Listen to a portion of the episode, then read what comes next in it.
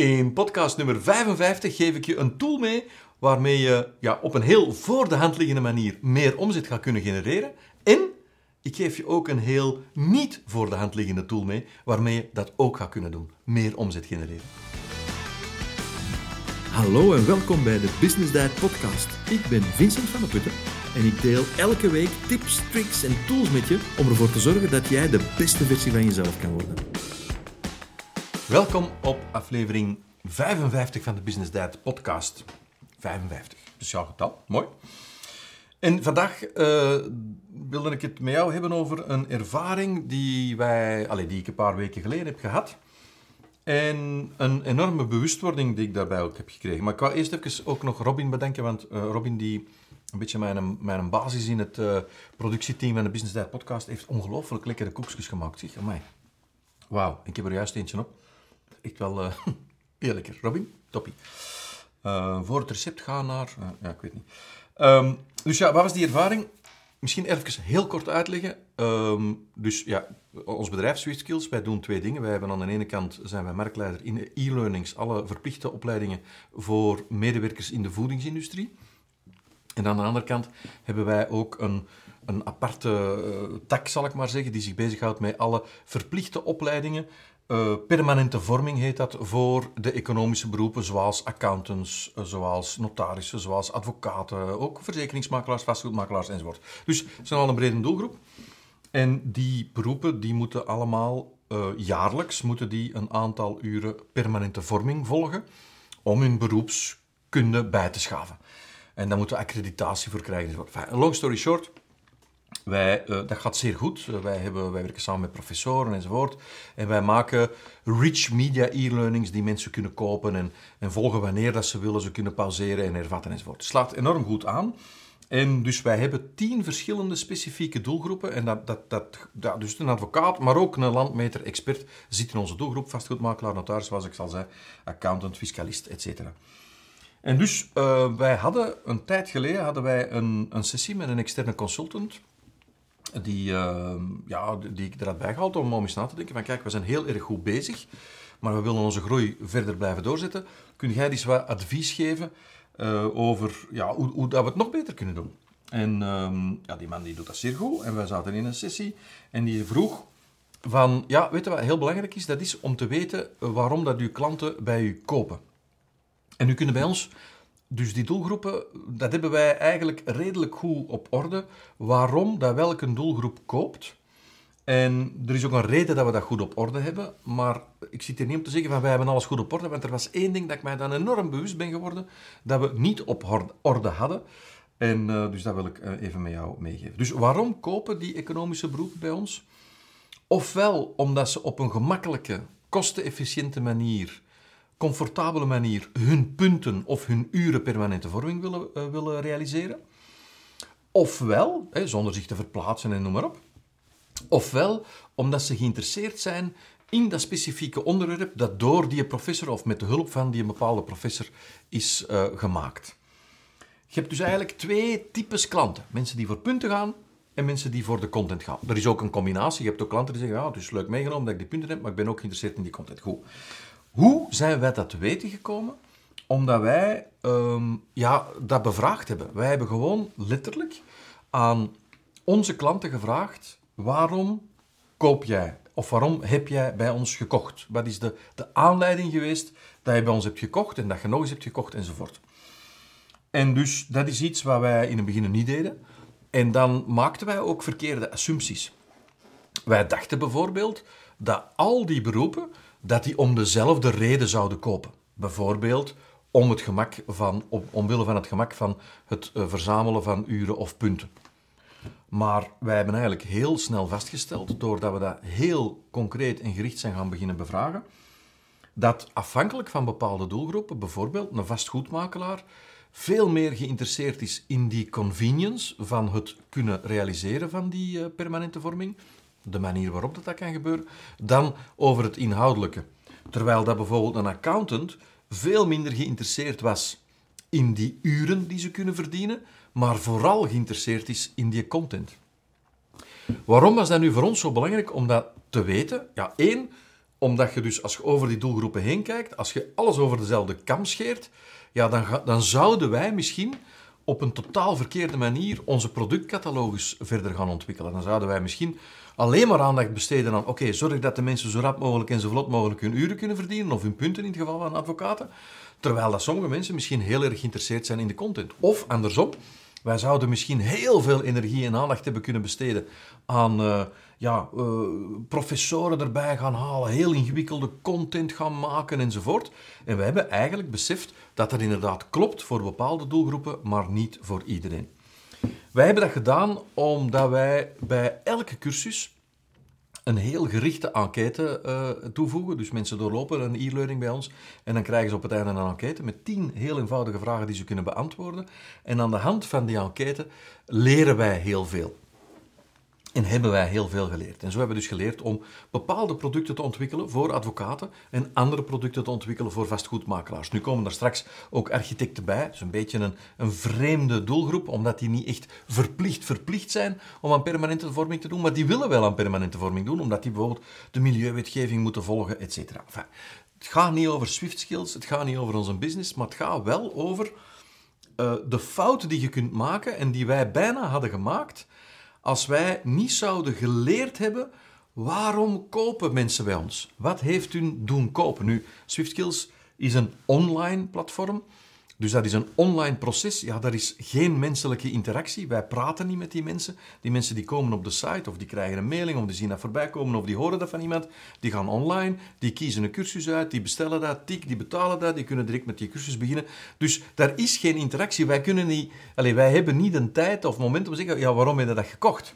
Dus wij moeten dat wel met een enquête doen. En toch heeft die, eh, die consultant ons geadviseerd om dat toch ook nog eens te gaan bevragen door een aantal workshops te organiseren. En ik volg dat idee. Ik denk dat we nog meer willen te weten komen uh, waarom dat mensen bij ons kopen en in zo'n grote getalen bij ons kopen en blijven kopen. Ik wil dat echt weten, omdat ik echt duidelijk voel dat, dat je pas, dat wij dan pas echt gaan weten waar moeten wij onze energie in de komende weken en maanden en jaren gaan blijven insteken. Dus uh, wat ik eigenlijk wil meegeven aan jou is, als je iets verkoopt, om uh, niet te denken dat je weet waarom dat mensen bij je kopen, maar om echt eens moeite te doen en eens echt stil te staan bij waarom kopen mensen bij mij. Want je vult dat in en door dat in te vullen met een bepaald antwoord, ga je je volgende producten ook op een bepaalde manier blijven doen. Dus als je nu een winkel hebt, zou ik u vragen, en dat kun je op verschillende manieren doen, van effectief aan de mensen vragen van, hey, bedankt voor uw aankoop, mag ik vragen, wat heeft u aangezet om naar hier te komen? Of wat heeft u aangezet om dat product te kopen? Wat heeft u aangezet om die trui te kopen? Ik zeg nu maar iets. En, en je denkt misschien, maar ja, zie, dat is toch wel, is toch wel een beetje vergezocht en, en maken we het nu niet wat te ingewikkeld? Je moet dat ook niet aan iedereen vragen. Je kunt een steekproef nemen. Als je duizend klanten hebt, kun je zeggen, ik ga dat vragen aan 50 klanten. Misschien is dat net iets te weinig, misschien moet er 100 nemen, maar je kunt steekproefmatig ook te werk gaan.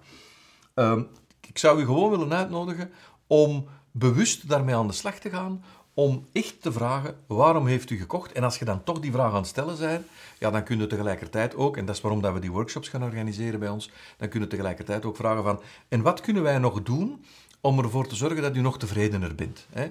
En, en ja, dus dat is, dat is dan nog bijkomende informatie. Mensen willen dat ook heel graag delen.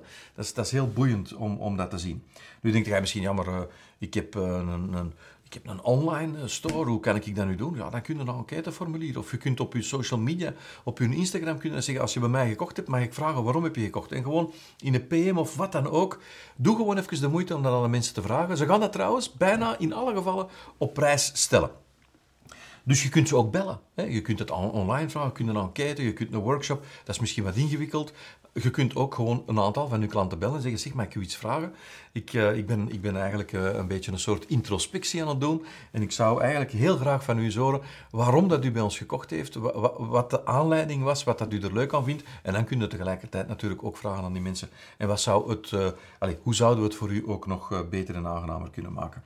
Dus dat is eigenlijk deel 1 van, van deze workshop. Dat is om, net zoals dat wij het gedaan hebben en dat wij het nog meer gaan doen, om goed na te denken, waarom kopen mensen bij mij? Want dan, in functie van dat antwoord, gaat het pas uw komende collectie ook heel goed kunnen fine-tunen. Dan gaat u uw komende productaanbod ook heel goed kunnen fine-tunen. Dan gaat u uw productaanbod ook misschien kunnen diversifiëren naar verschillende doelgroepen. Dan gaat u uw winkel misschien ook kunnen anders gaan inrichten, zodanig dat je u kunt uh, focussen op verschillende doelgroepen. Je gaat er in elk geval heel veel van leren.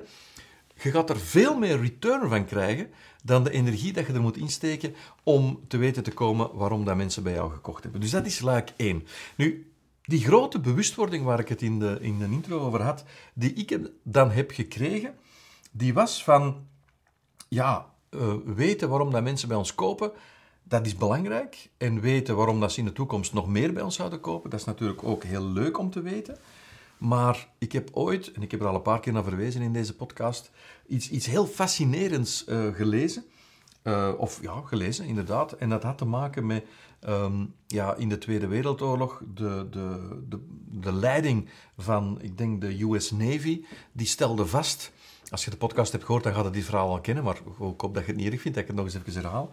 Die stelde vast dat zij heel veel vliegtuigen uitstuurden, maar dat er een te klein percentage vliegtuigen terugkwam. Hè, op vliegdekschepen enzovoort. Ze merkten dat dat, ja, dat, dat percentage dat van vliegtuigen dat terugkwam, dat dat eigenlijk veel te laag was. Uiteraard met al het menselijk leed daarbij. Hè, bemanningsleden die stierven, piloten die stierven enzovoort. Omdat die gewoon niet terugkwamen en, en, en de thuisbasis niet meer haalden.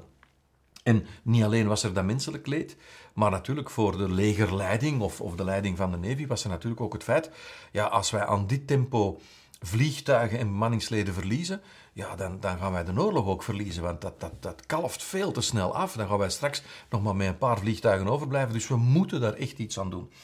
En wat de legerleiding dan gedaan heeft, dat is Ehm, ja, een aantal wiskundigen uh, ingehuurd, letterlijk ingehuurd. Uh, en eentje daarvan was uh, meneer Abraham Wald.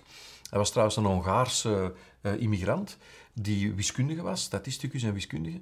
En daar werd aan gevraagd om een team samen te stellen om na te denken, met richtlijnen te komen, hoe dat men ervoor kon zorgen dat er meer vliegtuigen veilig zouden terugkomen na de missies die ze hadden uitgevoerd om dus dat percentage, succesrate percentage, te doen stijgen.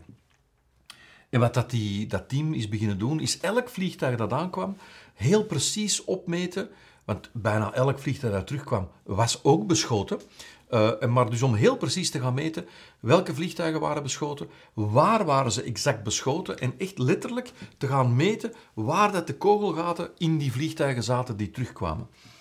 En wat dat ze dan gedaan hebben, eh, als ze zo ja, een, een, een, serieuze steekproef hadden genomen van bijvoorbeeld 100 vliegtuigen die waren teruggekomen, dat was van al die kogelgaten die ze hadden genoteerd, om die in één tekening te herleiden tot een soort ja, één heatmap, één overzicht, één statistische verzameling van al die kogelgaten, maar dan denkbeeldig in één vliegtuig. En dan kwam er een patroon naar boven. En dat patroon dat naar boven kwam, dat was uh, dat zagen ze dus door al die informatie te verzamelen in één denkbeeldig vliegtuig. Dat al die vliegtuigen die dan, die dan terug waren gekomen, dat die allemaal uh, beschoten waren, heel, heel opvallend, op de type van de vleugels, aan de, de, de staartvleugel, aan de aanzetting van de staartvleugel en aan de aanzetting van de vleugels met de romp. En als je me dit al hebt horen vertellen, of misschien uh, heb je het zelf al gelezen, dan weet je wat de reactie van de legerleiding was toen Abraham Walt en zijn team die tekening kwamen tonen. En dus effectief toonden van hier is de tekening van, van alle vliegtuigen samen en hier zie je het patroon van waar die vliegtuigen beschoten waren.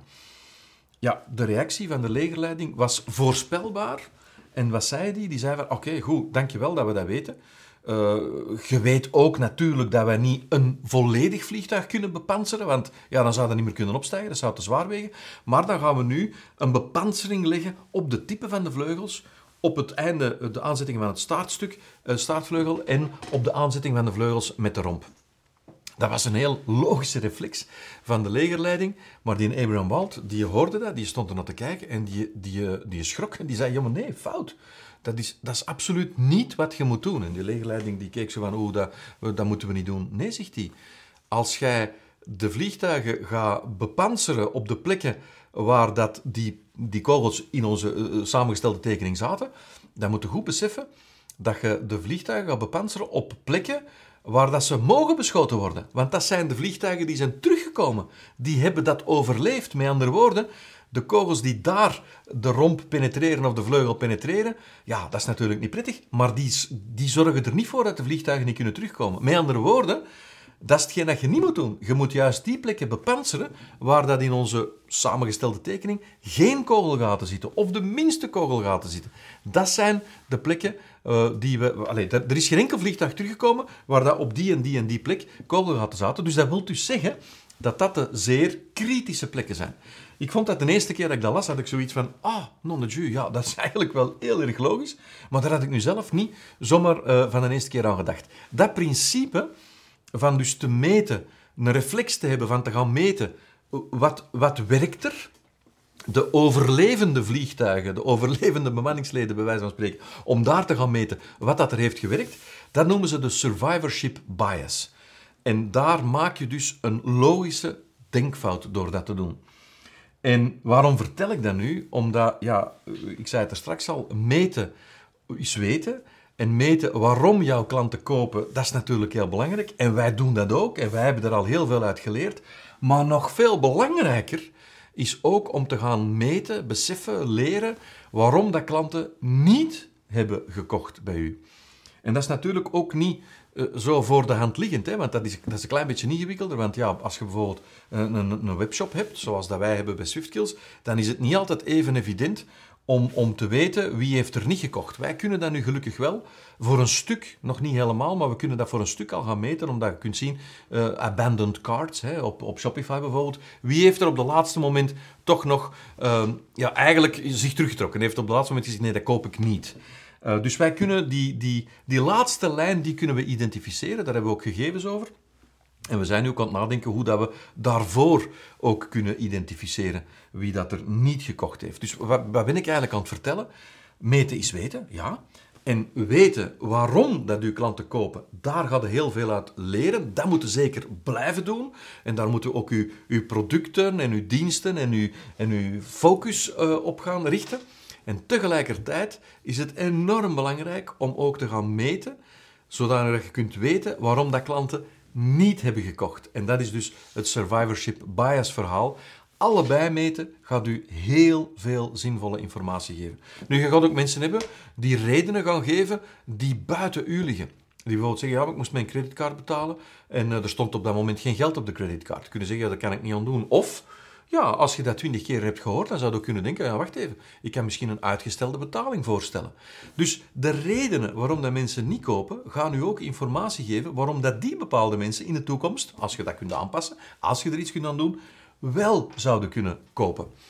En dus, mijn boodschap is voor jou om heel goed na te denken, wat kan jij nu doen? Hoe kan jij het aanpakken om ervoor te zorgen dat je beseft waarom dat een aantal klanten, nee niet klanten, en waarom dat een aantal prospects bij jou niet hebben gekocht. Waarom dat mensen uw winkel binnenkomen en na drie seconden en een half terug naar buiten lopen. Waarom dat mensen op de beurs op uw stand even binnenkomen en direct terug weg zijn. Waarom dat mensen op uw website even komen piepen, bijna willen kopen, maar net op het laatste momentje, sorry voor het geluid, net op het laatste momentje dan toch nog gaan afhaken. De moeilijkheid zal misschien zijn om die mensen te identificeren. De moeilijkheid zal misschien zijn om die mensen ook even ja, vast te kunnen nemen om, om even te vragen van mag ik u eens even iets vragen? Maar het gaat zo ongelooflijk leerrijk zijn. Dus, uh, meten is weten, daar ging deze podcast over. Eén, meet waarom mensen kopen en zorg er vooral ook voor dat je weet waarom dat mensen hebben afgehaakt, waarom dat ze niet hebben gekocht. Ik wens je heel veel succes. Misschien was het wat veel om te onthouden, maar ja, geen nood aan, want via het blogartikel van de podcast kan je als altijd alles terugvinden. Dit was aflevering nummer 55 en dus dan vind je een samenvatting op www.businessduit.be slash 55 en dan bedoel ik het getal. Indien je de volgende afleveringen niet wil missen, abonneer je dan zeker op de podcast. Dat kan via Spotify of Apple Podcast of dat kan ook in beeld via YouTube. Bij deze aflevering hoort ook een gratis download. Dat is een uh, financieel plan, een template voor een financieel plan. Klik op de link in de beschrijving van de podcast of je kan ook rechtstreeks surfen naar www.businessdiet.be slash financieel plan. En dat is allemaal aan elkaar geschreven. Indien je de aflevering leuk vond, deel ze dan zeker op Instagram en tag me met @businessdiet. Dat doet me echt heel veel plezier. Ik wens je veel succes en heel graag tot volgende week.